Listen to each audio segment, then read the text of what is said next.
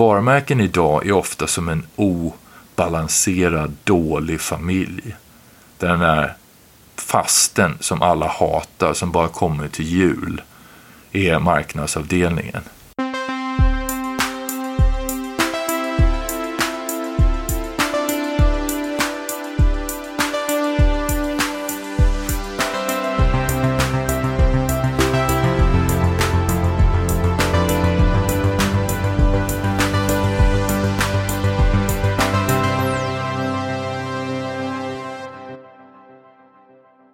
Välkommen tillbaka till Heja Framtiden. Christian von Essen sitter i min studio på Roslagsgatan 23 i Stockholm. Och på länk har jag Kristoffer Reiter. Välkommen till podden. Tack så mycket. Det är kul att vara här. Var befinner du dig i denna stund? Jag befinner mig strax utanför Philadelphia, som är typ en och en halv timme söder om New York. Och eh, vi kanske ska börja med den storyn då. Mm. Vad för dig till Philadelphia från början? Um, jag kom hit med Ikea 2003. Skulle öppna en butik på sex veckor. Och sen eh, ett kort projekt. Och blev jättekär i USA. Allting var ju så spännande liksom. Det var som att leva en sån här Spanarna på Hill Street-episod. Så att eh, jag försökte stanna och åkte runt på olika uppbyggnader och så. Efter ett år så sa de så här, men nu har vi ett jobb här. Kan du komma till Philly och, och jobba i en butik? Så tog, gjorde jag det direkt. Körde hem över jul, gav bort alla mina möbler, tog hem lite CD-skivor och kläder och flyttade hit. Vad är tjusningen med just uh, Philadelphia? Då? Det, det låter så förutfattat, men det är en av de få städerna i USA som har historia. Och det, det är det som, som svensk man känner är är behagligt och trevligt att det, det finns en historia en stad som inte, det var inte byggt på 40-talet liksom. Här var ju, USA grundades ju utanför Philly. Och det är lite kul att vara här på grund av den anledningen bara. Men finns det också en eh, liksom, stadskärna? Och, och oh ja, det finns en riktigt riktig fin liten stadsdel. Det andra grejen med Philly tror jag också är att, eh, eller Philadelphia, är att det är en sån här eh, arbetarstad. Så att det, det är mycket raka rör. Folk, folk snackar inte skit, folk är inte sådär övervänliga utan de är faktiskt ganska raka. Och med mycket kärlek. Den kallas ju för City of Brotherly Love. Eller Brotherhood Love. Mm -hmm. Och det, det är det, man får, man får liksom en käftsmäll med mycket kärlek. Och det gillar jag också. Som svensk är man lite mer behaglig, bekväm med det tror jag. Till skillnad från det ytliga Precis. som man kan uppleva. Precis. Hmm. Och du jobbar ju med eh, kommunikation och varumärken kan man säga. Mm. Eh, driver en byrå som heter Cohesive Whole. Ska du ta oss vidare då från Ikea-åren eh, mm. till den byrån som den ser ut idag? Mm. Uh, absolut. Uh, allting egentligen började med, jag hade en liten dröm uh, när jag var liten. Och det var att jag skulle vilja jobba Eh, på en reklambyrå. Det var alltid, alltid min dröm. Jag vill, det var inte att bli brandman eller polis eller hantverkare eller chef. Eller något sånt. Jag ville bara jobba på en strategisk reklambyrå. Det var min dröm. Och så hade jag den här idén att först ska jag jobba inom lite olika varumärken som H&M och Ikea och uh, andra stora, Brooks Brothers och Bloomingdales. Och sen så, för, bara för att få erfarenhet av den andra sidan. Liksom. Och få, få den här kunskapen. Men det intressanta är att det var fullständigt omöjligt att få ett jobb på en reklambyrå. För jag hade ju ingen byråerfarenhet, säger de. Så att eh, det, då blev jag skitsur. Så då bestämde jag att då ska jag starta min egen byrå. Och sen nu när jag, eh, när jag började konkurrera med byråerna så insåg jag att jag hade något som inte de hade. Eh, att min vinkel på, på industrin, den, den funkade. För kunderna uppskattade just det här att man hade erfarenhet av den andra sidan så att säga. Vi snackade samma språk. Mm. Jag ska säga, Cohesive Hall är egentligen inte en så traditionell byrå med, med coola kontor och anställda och folk med viktiga titlar och sånt där. Utan det, vi, vi har inga anställda överhuvudtaget. Istället har vi ett gäng sådär frilansande misfits kan man säga. De, de är antingen de totala nördar som inte kan göra något annat än vad de älskar som fotografer och grafiska Eh, specialister och ADs och sådana saker. Resten, de kommer från insidan, precis som jag. Allt från butikssäljare på golvet till vice president. Liksom. Alla de har lämnat och, och börjat, så börjar vi jobba istället tillsammans.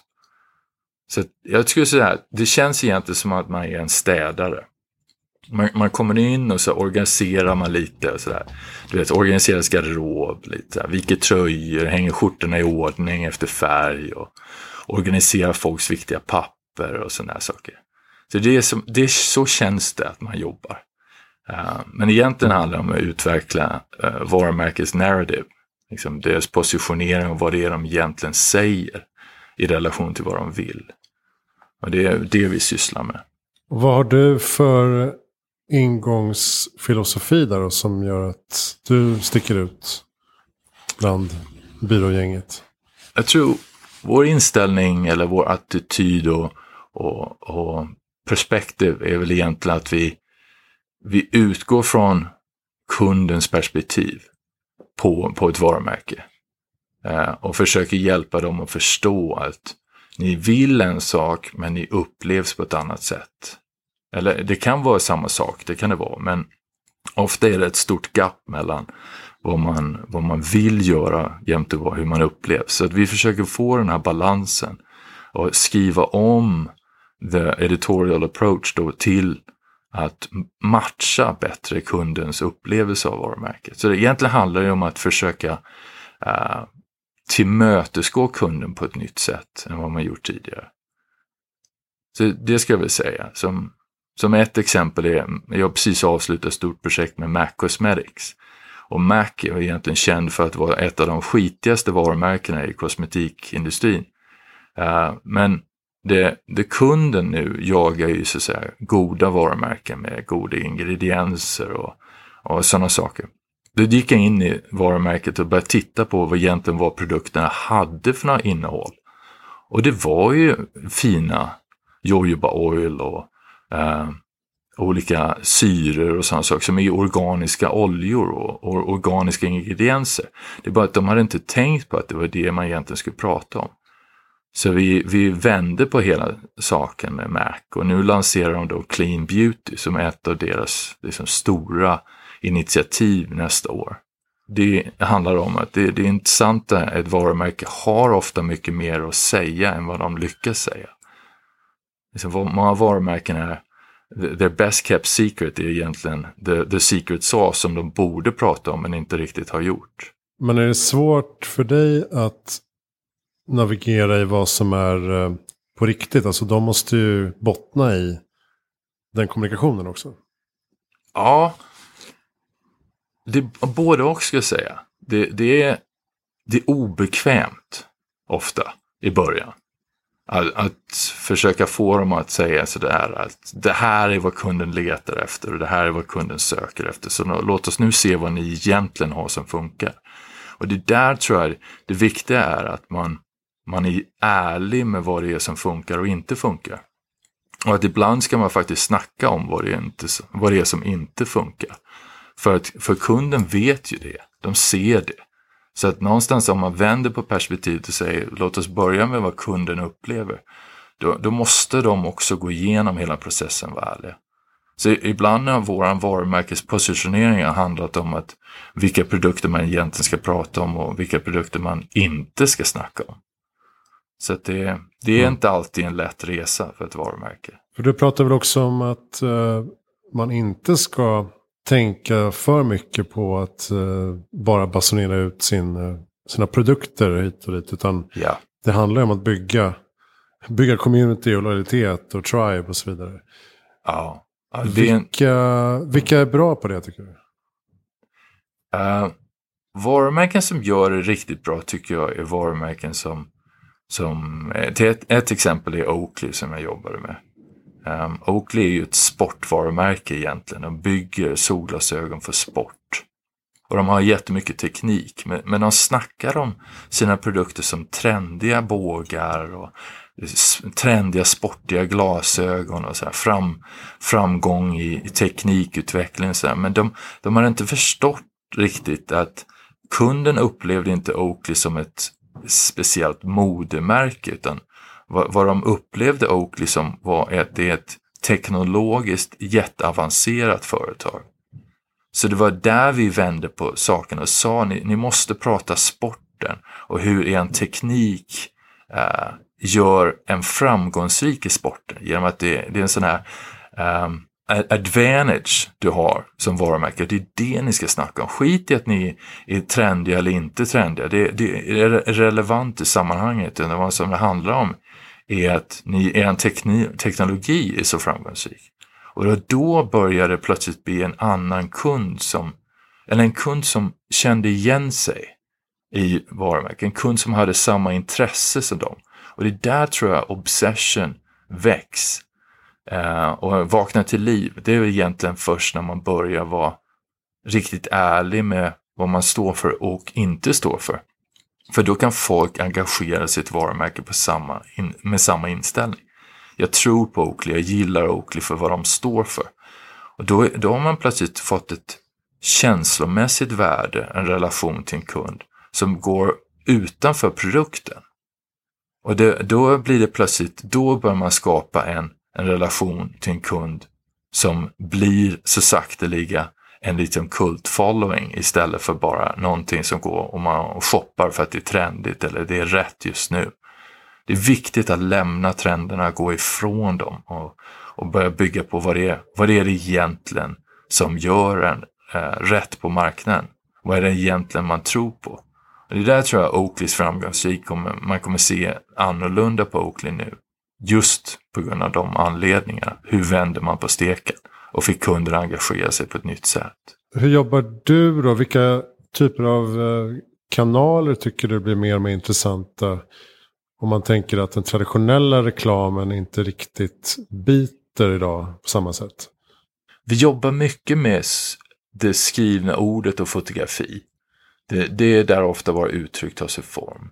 Men sociala medier har, har varit väldigt viktiga och framgångsrika i kommunikation på sistone.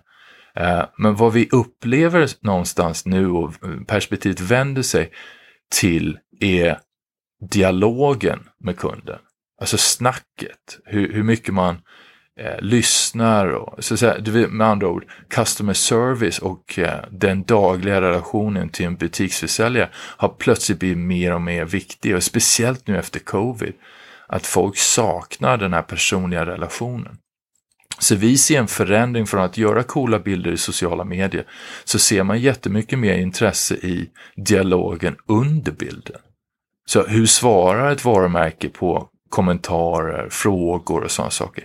Det är där plötsligt vi ser ett uppsving i, i hur trendig och rätt man kan vara för en kund. Det handlar egentligen om hur vänlig och hur mycket man lyssnar. Där tycker jag det finns ett dilemma i att många lägger ut sin customer support-funktion. Kanske till och med utanför landet. Alltså att det finns ingen koppling direkt till varumärket. Utan man svarar artigt på frågor. Eh, och så vet man inte riktigt vem det är som svarar. Där skulle ju varumärkets egen personal kunna höja sin status. Genom att vara aktivt delaktiga i den liksom, dagliga konversationen. Exakt, exakt. Måste, måste ni gå in och coacha där också? Då? Ja, det, det handlar, man mm. måste vara jätteförsiktig. Som, precis som du säger, att, att outsourca eh, customer service är i stort sett det dummaste man kan göra. Att om man låter kunderna och, och ha en relation med de som vet mest om produkten, då får man en genuin dialog.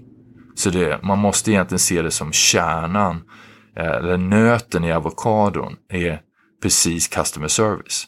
Alltså ju mer man engagerar sig i utbildning internt, desto mer får man ut i relationen till kund utanför. Så vi måste ofta börja där. Alla resor vi gör med varumärken börjar just från insidan. Vad är, det man, vad är det man står för? Vad är det man kan? Vad är det man inte kan stå för? Och sen, vem är det som ska förmedla budskapet? Så relationer till butikspersonal, relationer till den dagliga kommunikationen som customer service, det måste finnas inom organisationen. Egentligen den bästa relationen är om man sätter en, en produktutvecklare på telefonen istället för någon som är engagerad i customer service. Då får man mest ut av det. Varför är det så? För engagemanget i varför man jobbar på ett varumärke är grunden till hur bra man kan vara en diplomat eller ambassadör för ett varumärke. Så att om man sätter någon som är engagerad i varumärket och bryr sig och tycker om det och gillar sitt jobb, då får man så otroligt mycket mer ut av det. Vilket är en sanning som alla egentligen kanske känner till och inget riktigt nytt jag säger. Men det, det nya är inte tankesättet, det nya är hur man utvecklar det och får till det. Och det är där den där eh, relationen mellan göra en kick-off för ett nytt customer service som vi har gjort vid olika tillfällen. När vi tagit produktutvecklingsteamet och satt dem tillsammans med butiksutvecklarna alltså, eller butiksförsäljarna och sagt att det här är varför vi gjorde den här produkten. Då får man så otroligt mycket kunskap som kan förmedlas till, till kunden. Och plötsligt så, det intressanta med det här också, då blir priset irrelevant och värdet för produkten blir mycket större. Så titta på Apple till exempelvis. De, de är ju ett av varumärken som har den mest eh, nöjda kunden efter inköp. De har högst eh, return of investment eh, appreciation. Men egentligen är deras produkt typ fem gånger dyrare än en PC. Men lik förbannat får de mest ut av, mest lyckliga inköp från kundrelationen. Och det handlar egentligen om, om man går in i en Apple-butik, så, eller i alla fall här i USA, de som jobbar i Apple-butiken är ju totalnördar. De är ju så engagerade, så committed till, till den produkten de säljer. Och det är då det slår till, det är då det blir rätt. Men har Apple bra kundtjänst eh, online skulle du säga? Är inte de lite svårtillgängliga? De har hittat nya till, tillvägagångssätt. Nu kan jag bara prata för den här marknaden, men här är det mycket chatten som fungerar bäst. Och det är där tror jag också måste man vara ärlig. Att idag så smsar man ju kompisarna före man ringer. Att fråga om man kan få ringa. Så ringandet har ju blivit ett, så att säga, ett pensionerat system att kommunicera kan man säga. Så chatten fungerar mm. väldigt mycket. Det andra intressanta med Apple nu också är att de kan ju gå in på din dator om det är ett problem och lösa datorn via nätet. Så att man, man får den där personliga hjälpen genom chatten. Eh, men samtidigt så kan de också då praktiskt gå in och lösa dina problem om man delar sin dator med dem. Så det är, tycker jag, innovativa sätt att lösa problem. Och det som Genius Bar här är jättestort. Och det är egentligen en av de största anledningarna till att man går i en Apple-butik är att man kan sitta ner och prata med någon. Så du har ju då chatten när man sitter hemma och sen har du butiksupplevelsen. Tittar man på en Apple-butik i USA så 90% av kunderna är i baksidan på butiken och löser problematiken. Eh, jag tror ett av de största problemen med att köpa dator för 10-15 år sedan var att man, om det sket sig, så hade man en enormt tråkig eh, handbok som man var tvungen att försöka lösa själv. Och där var, tycker jag Apple var väldigt smarta, att de öppnade en Genius Bar så man kan ta in problemet och låta Apple lösa det. Hur ser du på framtiden för eh, marknadsförare då? Får de en eh, allt svårare verklighet att navigera i eller eh, har själva kommunikationen bara skiftat? Både lätt och svårt att svara på kan man säga. Um, jag ska ta ett exempel. Uh, jag har alltid trott att, det, jag har förstått att det är viktigt att lyssna på kunden och jag, jag, det är det vi jobbar med. Att, att prata på ett sätt som kunden förstår. Men jag hade aldrig fattat egentligen hur mycket det spelar roll att utveckla produkter genom att lyssna på kunden. Så jag, jag jobbar på, vid sidan av som eh, professor på Jefferson University i branding. Um, och då, då, igår kväll hade vi en uh, slutpresentation om mina studenter skulle presentera sina varumärken. Uh, och jag hade inte tänkt på det tidigare, men vad som slog mig var att sju av tio studenter sa att deras framgång handlar om att lyssna. Att lyssna på kunden. Men också att fort, bara göra produkter som kunden ville ha. Som, som Nike till exempelvis, eh, de, de har ju utvecklat produkter som ska vara ett steg före vad det är kunden vill ha. Fashion ska alltid vara före och ett steg tidigare än vad kunden egentligen vill ha. Men de här nya brandutvecklarna då och reklamarna, deras intresse var att lyssna på kunden och utveckla produkter som egentligen var gjorda för ett behov. Och om du tittar på Kickstarter, Kickstarter är ju stort som tusan här i USA. Och 90% av alla produkter som utvecklas där är där för att lösa ett problem. Inte för att vara att det här har jag aldrig tänkt på, det här är någonting som eh, kommer vara supercoolt eller var någonting som du inte ens visste om att du behövde. Så Kickstarter, de mest framgångsrika produkterna, är de som löser ett praktiskt problem. Så där har man ju fattat någonstans att, att vara lite mer i närheten till kundens vardag gör det faktiskt mycket bättre. Där tror jag det är en stor framtid. Det, det, andra saken jag måste säga som jag tror är jätteviktigt också, jag lärde mig igår kväll från studenten. För övrigt, vilket är grymt kul att få jobba med 22-åringar som kan lära en mer än någon annan faktiskt. För dem handlade framgång inte om hur mycket pengar man kan tjäna eller samla på sig. Så eh, målsättningen för dem var att, att tjäna tillräckligt för att överleva, men det viktiga för dem var hur mycket man kan göra rätt för kunden. Det, det handlar om att vara i takt med kunden, inte vara först på trenderna såklart som vi sa. Men det, det, deras inställning till pengar var irrelevant i relation till hur mycket man kan göra rätt för engagemang till kunden, för eh, naturen, för eh, sin omvärld, för sociala frågor. Så det är där plötsligt de kände att liksom, det är det som är viktigt för oss. Och där tror jag det är en stor trend som vi kommer se mer och mer av i framtiden. Ja, för det där var någonting man liksom skämtade om för några år sedan. Att uh, Silicon Valley, uh, entreprenörerna sa att de skulle förändra världen och mm -hmm. göra den bättre. Men idag är ju det, det syftesdrivna är ju liksom kärnan i de flesta egentligen. Ja. Spännande bolag som, som startas idag tycker jag. Precis, precis. När man tittar på alla lite så här indie-brand som, som vaknar upp de har ju minimal produktförsäljning men de har ett engagemang och de säljer produkter för att de vill eh, var, ta del av världen socialt och eh, bio, eh, ekologiskt kan man väl säga. Jag tror, en annan grej som är tycker är viktigt när man tittar på hur, då när man tänker efter vad det egentligen de här studenterna säger, att varumärkets valuta har, har förändrats. Från att vara handla om att pengar är det viktiga. Att försäljningskurvor och hur framgångsrik man är som ett företag handlar om hur mycket mer pengar vi tjänar i år jämfört med vad vi gjorde förra året. Men här handlar det mycket mer, tycker jag nu, om engagemang, ansvar, humor, förmågan att lyssna. Men också när vi går tillbaka till det vi pratade om tidigare med customer service, det handlar om vänlighet. Att, att varumärken tycker det är viktigt att vara vänlig. Uh, och det tycker jag är jätteskönt också med tanke på den förra presidenten vi hade som inte, jag var inte något stort fan av. Uh, och som komplicerade vår, vår sociala uh, värld i USA eller upplevelse av samhället i USA. Det, det nu svänger pendeln tillbaka och det är underbart att se. Mm. Samtidigt så har ju varumärkena kanske eh, ett behov av att sticka ut och um, kanske vara lite kaxiga i sin kommunikation och så här. Är det svårt att hitta den här tonaliteten som funkar?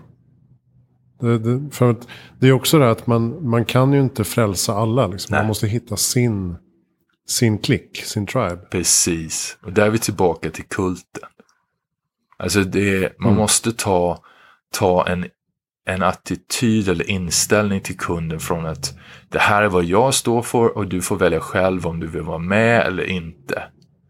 Och det där, det där vår, tror jag, vår viktigaste uppgift som, som byrå är att, att våga eh, säga till kunden att det här ska du inte snacka om. Det, det är irrelevant för att det inte, det passar inte dig. Du, du kommer inte passa alla och det är okej. Okay. Och det, det tror jag också, många varumärken av de som är fast fashion och sådana saker. Som, för det måste jag säga, om man kliver tillbaka lite.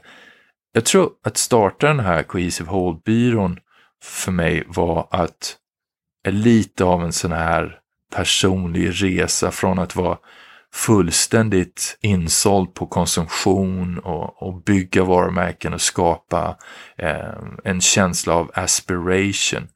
Eh, för egentligen, mitt jobb innan vi, jag började, startade Creasive Hall var ju att jag byggde attityd hos varumärken då baserat på folks osäkerhet. Så man, man sålde produkter på grund av det. Och där vänder det nu. Och det är det som är det roliga för oss att göra med, på Cohesive Hall. Är att vi kan få engagera oss och, och med varumärken på ett sätt som de kanske inte har tänkt på. Och det är för ett gott syfte. En annan grej jag tänkte på när vi pratade om det här med, med framtiden och att ta ett val och ställa sig, eh, våga ställa sig på, på barrikaden och säga det här står jag för, det, det här står jag inte för. Ett, någonting som vi pratar mycket med varumärken om att sluta påstå att du gör organiska produkter och att du gör någonting som är gott för miljön. Det, det är inte sant. För att för carbon footprint, som, det, som egentligen allting handlar om, är inte, handlar inte om om du har använt organic cotton eller inte. Det handlar egentligen om alla stegen i hur en produkt skickas över världen, hur den produceras eller hur många ex man gör av en produkt. Och sen handlar det givetvis om vad produkten tar vägen efteråt. Så att någonstans vänder, om man går tillbaka till vad studenterna sa, om vi bara recyclar i världen just nu 9% av alla produkter som köps, så vårt ansvar är ju inte som varumärken är inte att sälja mer utan det är att lära kunderna att köpa mindre. Det är där egentligen vårt ansvar är. Och om vi tar ställning till vad vi står för och inte står för, då lär vi också kunden att det här är, det här är vad som betyder något för oss. Och sen får de ta inställning till det och då får man vara rädd att hälften av de kunder man tidigare hade kanske faller bort. Just på grund av att man tar ställning till någonting som tidigare. Det är liksom, nu egentligen, vi pratar om, här borta har ju hygge varit jättestort för, på den amerikanska marknaden. Det skandinaviska hyggefenomenet. Jag, jag tror att det svenska lagom-ordet kommer bli skitstort i de nästa tio åren. För det, vi i Sverige, vi svenskar har varit duktiga på att hitta en lagom nivå till allting. Och det, det, ett skumt men samtidigt väldigt fint perspektiv. Och där tror jag att det är någonting som vi jobbar mycket med på Cohesive Hall. Vi tror på lagom. Vi, vi, vi tror, det, när jag jobbar med de här frilansarna som är amerikaner de mest av dem, där försöker jag lära dem det här svenska projektet. att lagom är, är viktigare än någonsin tidigare. Kan du utveckla lite kring det då? Varför är lagom viktigare än tidigare?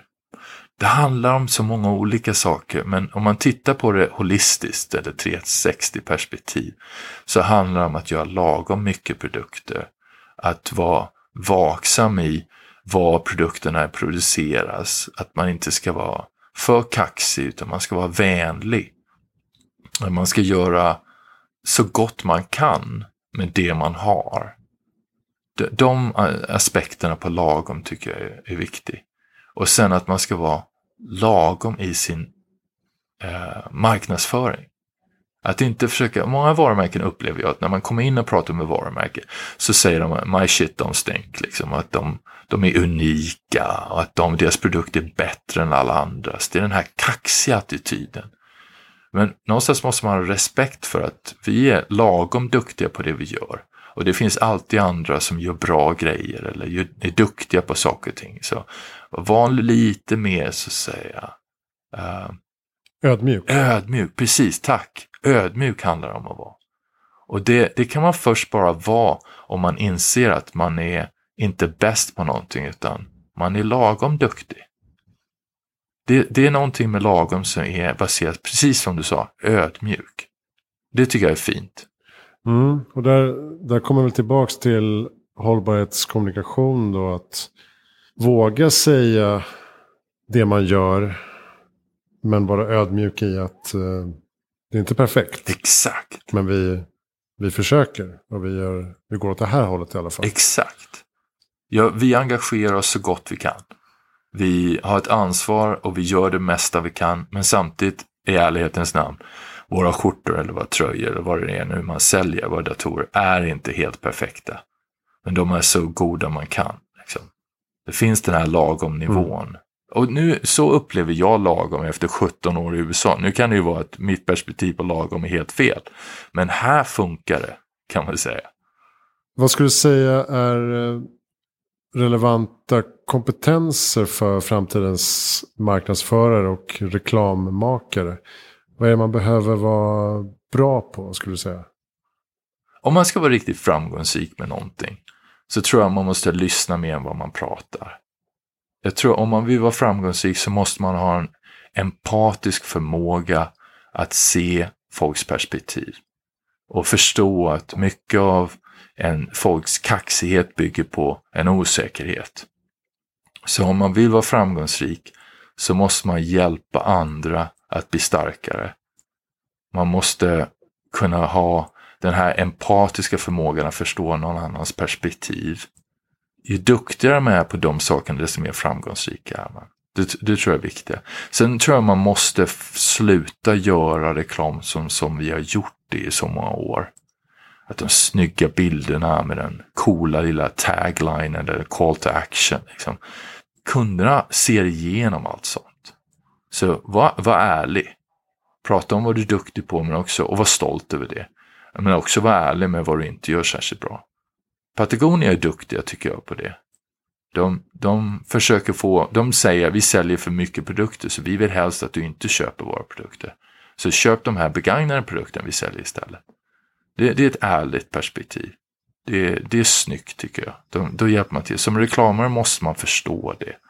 Man måste man förstå att det, var helst ett varumärke kommer ifrån är inte det som är deras styrka, utan var de ska gå framåt är styrkan. Så eh, brand positioning eller call to action ska ju inte egentligen handla om vad det är man är bäst på, utan vad det är man är bäst på att vilja göra framåt. Så tror jag. Och då, det låter ju som att marknadsföringen måste då kanske lira ännu bättre med de större, större visionerna i bolaget. Alltså ja. vdns visioner. Än att bara vara en separat eh, silo där man... Eh, ja. så här, vi håller på med kommunikation här borta.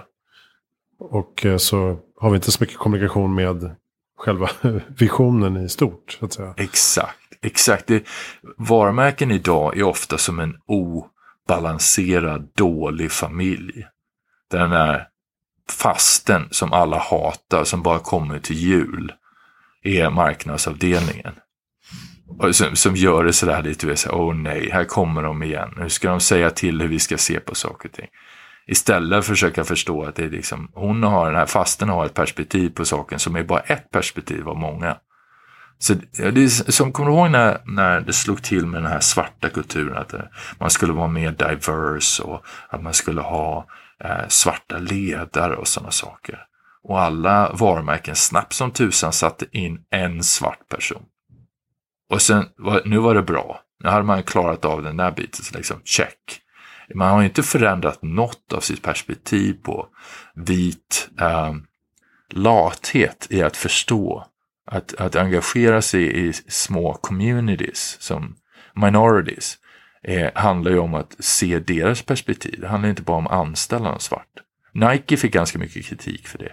Medan eh, Reddit gjorde rätt ifrån sig. Reddit. För han, han pensionerade sig själv, grundaren till Reddit. Och utbytte sig själv till en ny chef som var svart. Med, och enda inställningen, enda uppdraget är att förändra perspektivet på communities och minorities. Och det, det blev Reddits perspektiv. Och det tycker jag, det, okej, okay, det här var snyggt. Då tog man bort hela makten från den vita eh, kulturen som vi är uppväxta i. Eh, och sen sa man, nu måste vi tänka om helt och hållet. Och då, måste, då tvingar man ju alla avdelningar att ta del av den där visionen. Så ledare har ett större ansvar än vad, vad försäljningen begär. Det, man måste börja i kulturen, man måste, man måste acceptera sina svagheter och man måste få alla att tycka om den här fasten som som ingen egentligen diggar. Men eh, jag antar att ni också kan ses som den här fasten då, när ni går in och petar ja, i varumärken och organisationer. eh, hur får du med dig ledningsgrupper? det, det är jätte, jättesant. Vi är så ouppskattade de första månaderna vi jobbar med varumärke. Det finns ingen folk hatar mer. För alla tror att vi ska komma in och säga hur de ska göra. Istället för att säga att vi ska vara del av processen.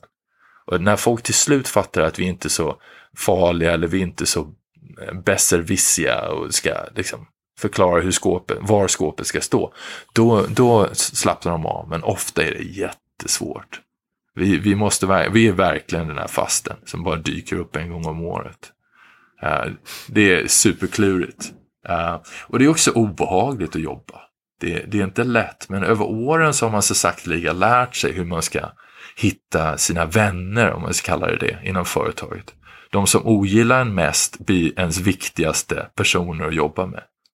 Så, att, eh, så det, det, där är, är det inte en lätt match. Så de som tycker om en, de som tror på en, de som man gör, de, de är egentligen de man behöver bry sig om minst.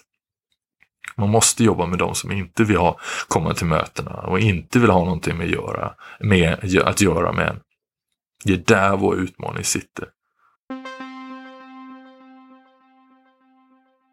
Hur skulle du säga att man kan jobba med eh, tekniska utvecklingen då? Alltså, marknadsförare har ju nu liksom en hel palett av eh, programmatic och marketing automation och algoritmer och så vidare till sitt förfogande. Samtidigt som det är väldigt riskabelt eftersom det kan kännas som eh, spammigt och man får reklam i flera månader efter en vara man redan har köpt. Och sådär.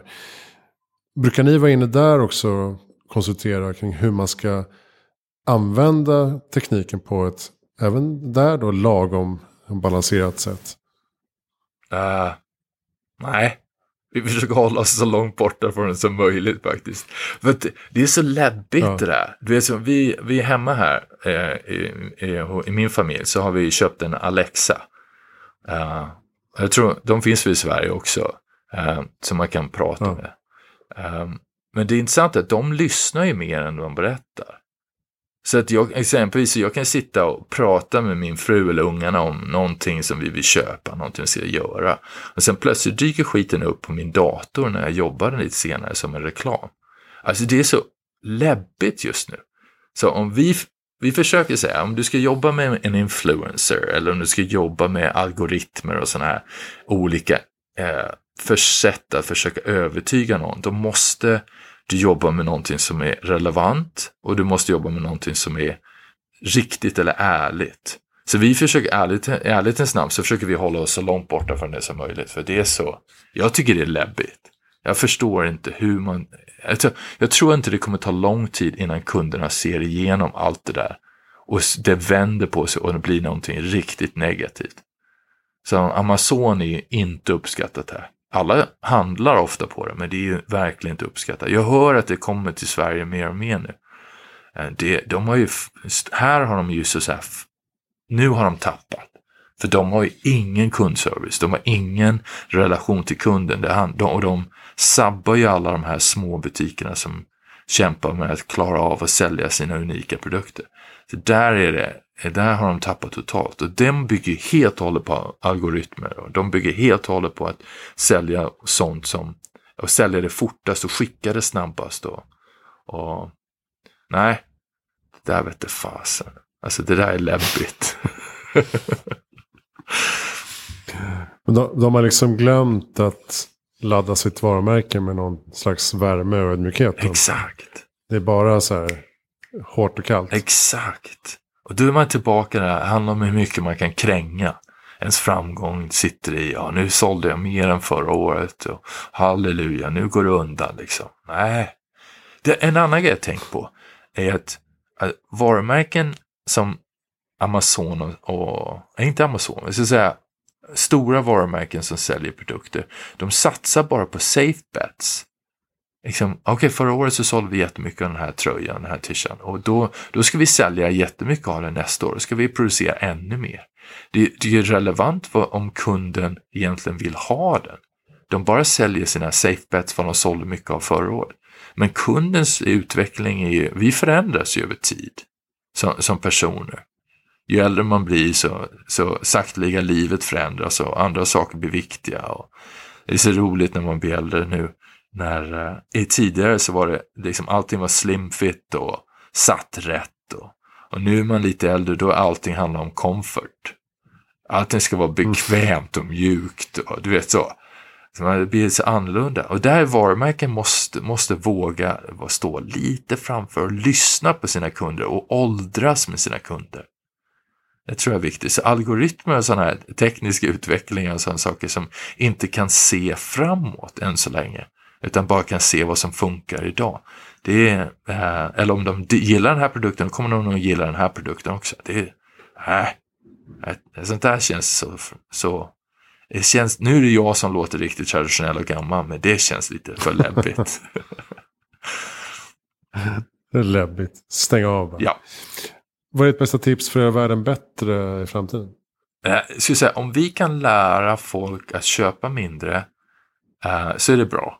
Men jag tror allting egentligen handlar om, om vi kan få människor att ha bättre självförtroende, då, då kommer världen se bättre ut. Jag tror att jättemycket av vårt konsumtionssamhälle och vår, våra eh, inställningar till, du vet, keep up with the Joneses som man kallar här. Eh, det handlar ju i grund och botten om att vi är osäkra i vad vi står för, vad vi, vad vi tror på och vem vi är. Jag, jag önskar att jag kunde få jobba med hela världen om att få dem att ha bättre självförtroende. Det, nu jobbar jag med varumärken och skapar bättre självförtroende, men det är ju, jag önskar jag kunde jobba med kunden bara.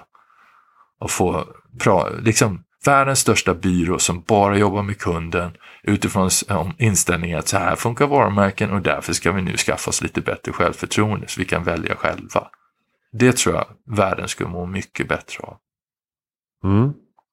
Det är bra. Har du några bra lästips eller poddtips? Jag tycker det är skitkul med självhjälpböcker som skriver att allting är så otroligt lätt. Att det här bara handlar om att ändra inställningen. Nu ska jag sträcka mig efter min telefon för att jag har hittat Green Lights av Matthew McConaughey är skitbra. Den, den uppskattar jag mm. verkligen. Sen den andra är så här, det finns en snubbe som heter Dr. Joe Dispenza här. Han har skrivit böcker som Becoming Supernatural och Breaking the Habit of Being Yourself. De, de tycker jag är jättefina. Det är de bästa självhjälpböckerna för det, det handlar om att visualisera vem man vill vara och vad man vill stå för och vad man vill, hur ja, livet ska vara. Och jag tänker ofta tillbaka på det, hur jag drömde om att jobba på en reklambyrå, drömde om att vara reklamare och framgångsrik och, och sen gav upp den drömmen och sa, nej fan, då ska jag starta en egen byrå. Och det ska vara så ett SWAT-team av misfits som är specialister på olika saker. Kommer in och så hjälper vi ett varumärke och sen, sen går vi därifrån när vi är färdiga. Och jag har liksom stärkt dem. Det, det var min dröm 10-15 år sedan och nu sitter man här med Cohesive och gör precis det. Men den där, den där drömmen, så det, där kände jag att efter det så insåg jag att Dr. Dr. Joe Dispenza är, har faktiskt helt rätt i att visualisering funkar. Om vi använder all sin positiva energi, nu kan man låta skitflummig, och slänger ut den i univers, universum och låter sin sin positiva energi och sina drömmar leda en framåt, då, då händer det. Det funkar faktiskt. Det är kanske en ny religion så småningom. Jag tror på universum och inte tror på Gud.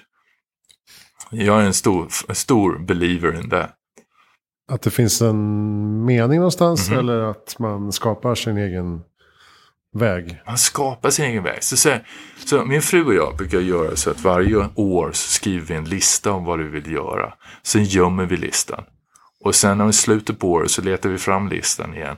Och så ser vi vad vi har åstadkommit av den här listan vi skrev i januari. Och typ sju, åtta saker av de tio grejerna har vi faktiskt betat av. Undermedvetet har vi valt dem. Så jag tror jättemycket att om man projicerar positiva tankar på vad det är man vill ska hända i livet så händer det. Det, det guidar en framåt. Och det är inte något man behöver sitta och tänka på varje dag utan det är undermedvetet så, så hjälper kanske universum eller så väljer man själv så sagt det undermedvetet att välja de rätta valen för att komma dit man vill. Jag tror vi som människor har en jättestor förmåga att påverka vår verklighet eh, mer än vad vi låter oss göra själva. Och där kommer vi tillbaka till den här osäkerheten. Mm. Liksom. Ah, men vem är jag? jag är ju inte speciell. Jag kan inte göra det här. Liksom. Klart som fan du kan. Ja, det där återkommer jag ofta till också i podden med att så här, inte se på framtiden som någonting som bara sköljer över oss och som kommer. Utan man faktiskt sätter sig i förarsätet och ja. är delaktig att skapa den. Precis. Jag brukar också jag brukar jobba med, med små mål framåt hela tiden. Men jag lägger mig inte i en låda utan jag pratar istället om det aktivt. Ah. Tills det händer så att säga. För då får jag knuffa på vägen. Då säger någon, ja men eh, fan du borde prata med eh, den där personen. Det har du så rätt i. Ja, för jag tycker inte att det finns några... Om någon vill sno min idé så får de göra det. Men mm. eh, jag, tror, jag tror på att vara öppen med vad man vill.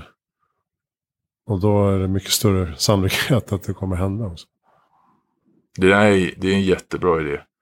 Fast jag måste säga, jag har inte varit så framgångsrik. För jag brukar alltid, varje år så säga, nu ska jag sluta röka. Så berättar jag det för alla. Och så varenda jävla år så går det inte. Och det, så, jag gav upp ah, det. Okay. Just, just det kanske man inte ska berätta. det kan du få göra själv. Precis, precis. Alla är jättesupporter liksom. De, de peppar och klart som fan du kan göra det. Men någonstans måste man i grunden kanske vilja det mer än någonting annat. Ja, jag tror det. Nej, men det var så jag startade den här podden. Att jag började prata mer och mer om att jag skulle starta en podd. En intervjupodd om framtidsfrågor. Och eh, till slut så hade jag blivit knuffad i rätt riktning. Träffat rätt personer. Fick hjälp att starta och så vidare.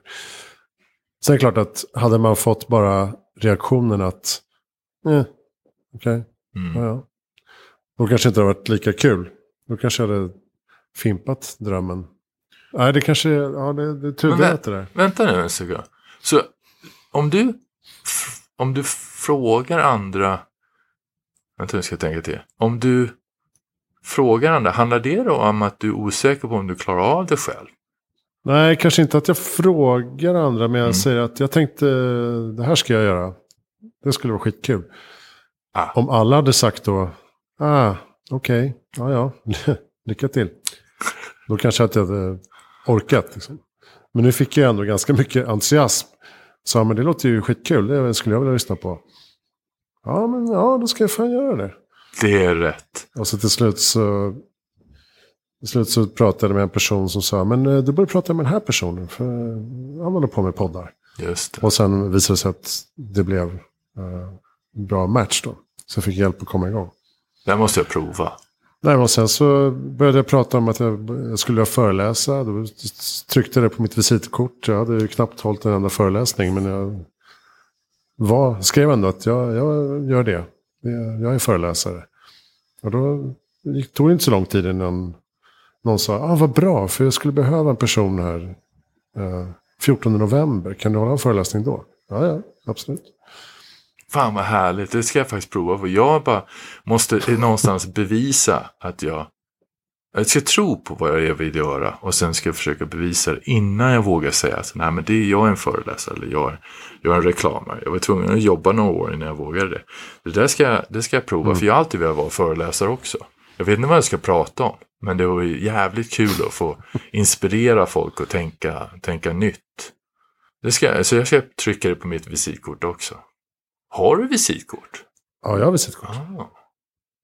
Jag är den sista som håller på. Jag skulle tro det. Tryckeriet känner vi första namnet. Ja, precis. Men eh, nej, jag gillar att eh, folk hittar det där i sin kavajficka. Och bara, ja, just det, den där snubben. Det ligger på skrivbordet eller någonting. Istället för att man bara, ja men kul att snackas vid, vi hörs. Precis. Och så, jag vet inte, jag, gillar, jag har alltid, alltid haft visitkort sedan jag var 19. Aha. Och liksom, jag vet inte varför. Det är en bra grej, för det är en bra reklam. Jag kommer ihåg när vi jobbade på Brooks Brothers så var jag tvungen att komma på ett nytt sätt att göra oss varumärket uppmärksammat varje dag. Liksom del av ens varje dag, liv, vardagsliv. Och det gjorde vi hängare så, i garderoben som hade Brooks Brothers trycket på sig. Och så gav vi bort dem till varje kostym som såldes. De fina så här, trähängare som kostade så skjortan. No pun intended. Men då gjorde vi det. Och, de, eh, och det hjälpte. För kunderna kom tillbaka oftare. För de kom ihåg. Varje morgon när de vaknade så gick de in i garderoben och där hängde hängaren. Som sa Brooks Brothers. Och det hjälpte faktiskt. Det, det sa de var en av anledningarna till att de kom ihåg det. Ja, ja. Det är som Det en så visitkort. Mm. Kylskåpsmagnet. Precis. Enkel, fånig grej som man ser varje dag. Precis. Fan, jag ska göra kylskåpsmagneter. Det är klart jag ska göra det. Ja, det är det verkligen alltså. Du gör det så ska jag göra sådana här bumper stickers. If you can read this, Ja, du vet. Så. Ja, det gillar jag i USA. Ja. Mhm. Det är en stor grej. Honk if you horny, eller vad det nu står. Precis. Ja. Det ska, det ska bli min nästa kampanj. För Oatly har ju varit framgångsrik här. Jag vet att det inte är uppskattat i Sverige längre, men de är väldigt framgångsrika med sin bussreklam här. Så då kan jag göra en liten Mm. bumper sticker som jag bara kan slänga på deras bussreklam. Som om du vill jobba med någon som är svensk, som Oatly, jobba med mig. Eller något sånt där. Jaha, du snyltar liksom Jaha. på deras varumärke. Ja. Ja. Det handlar ju om eh, placering, produktplacering. Guerri- Guerrilla marketing. Jaha. Bra. Du, vem tycker att jag ska intervjua i Heja Framtiden? Oh, det är spännande. Jag skulle nog faktiskt säga Russell Brand vore jävligt spännande att intervjua. Och så, Oj, Ja, då skulle man inte få en syl i vädret. precis. För han är lite lös i, i knallen. Han är lite, lite lätt ute där. Men annars tror jag det faktiskt, som du sa med det här med självförtroendet. Jag vet inte vem som är duktig på det, men det hade varit jätteintressant att jobba och prata med någon som pratar om hur man utvecklar självförtroendet genom att dela med sig till andra och hur man kan utveckla självförtroendet på eget sätt. Alltså hitta någon kul person som Dr. Joe Dispenza, det hade faktiskt varit jättekul. Åh, oh, nu vet jag precis.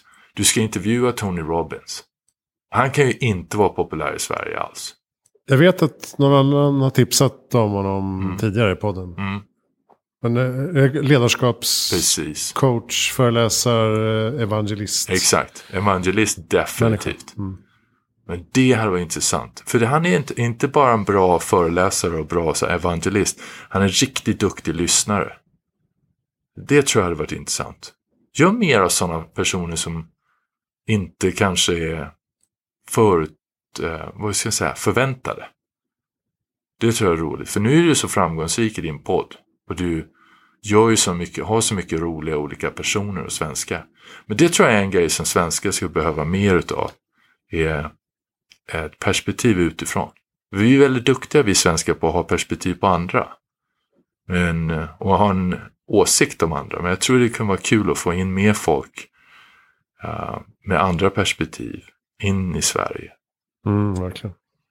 Vi eh, ska avrunda där. Mm. Tack snälla Kristoffer Reiter för att du ville vara med i Heja Framtiden. Det var jättespännande att få vara här. Jag är oerhört tacksam för det. Jag tycker det är jättekul. Jag har aldrig gjort så, eller jag har gjort någonting för många år sedan, men jag har aldrig riktigt gjort det här förut. Och få prata så här mycket om spännande ämnen, det är jättekul. Och vad duktig du är på frågorna. De kommer till mig. Se, naturlig talang. Snyggt. Inga manus. Nej, det var ju det som gjorde mig orolig innan. Vad fan ska vi prata om? Har han något manus jag ska jobba med? Exakt. Nej, du, nej, det var Jag tycker jättekul. det är så trå tråkigt, Mm. tråkigt med manus. Precis. Men nu, ta hand om dig så får vi, eh, får vi eh, ses IRL när du är i Stockholm i framtiden. Det gör vi gärna. Ha det så bra. Detsamma. Kolla in um, cohesivewhole.com. Kolla på eh, vad Kristoffer gör. Inte bara snackar om. Lite kundcase och sådär.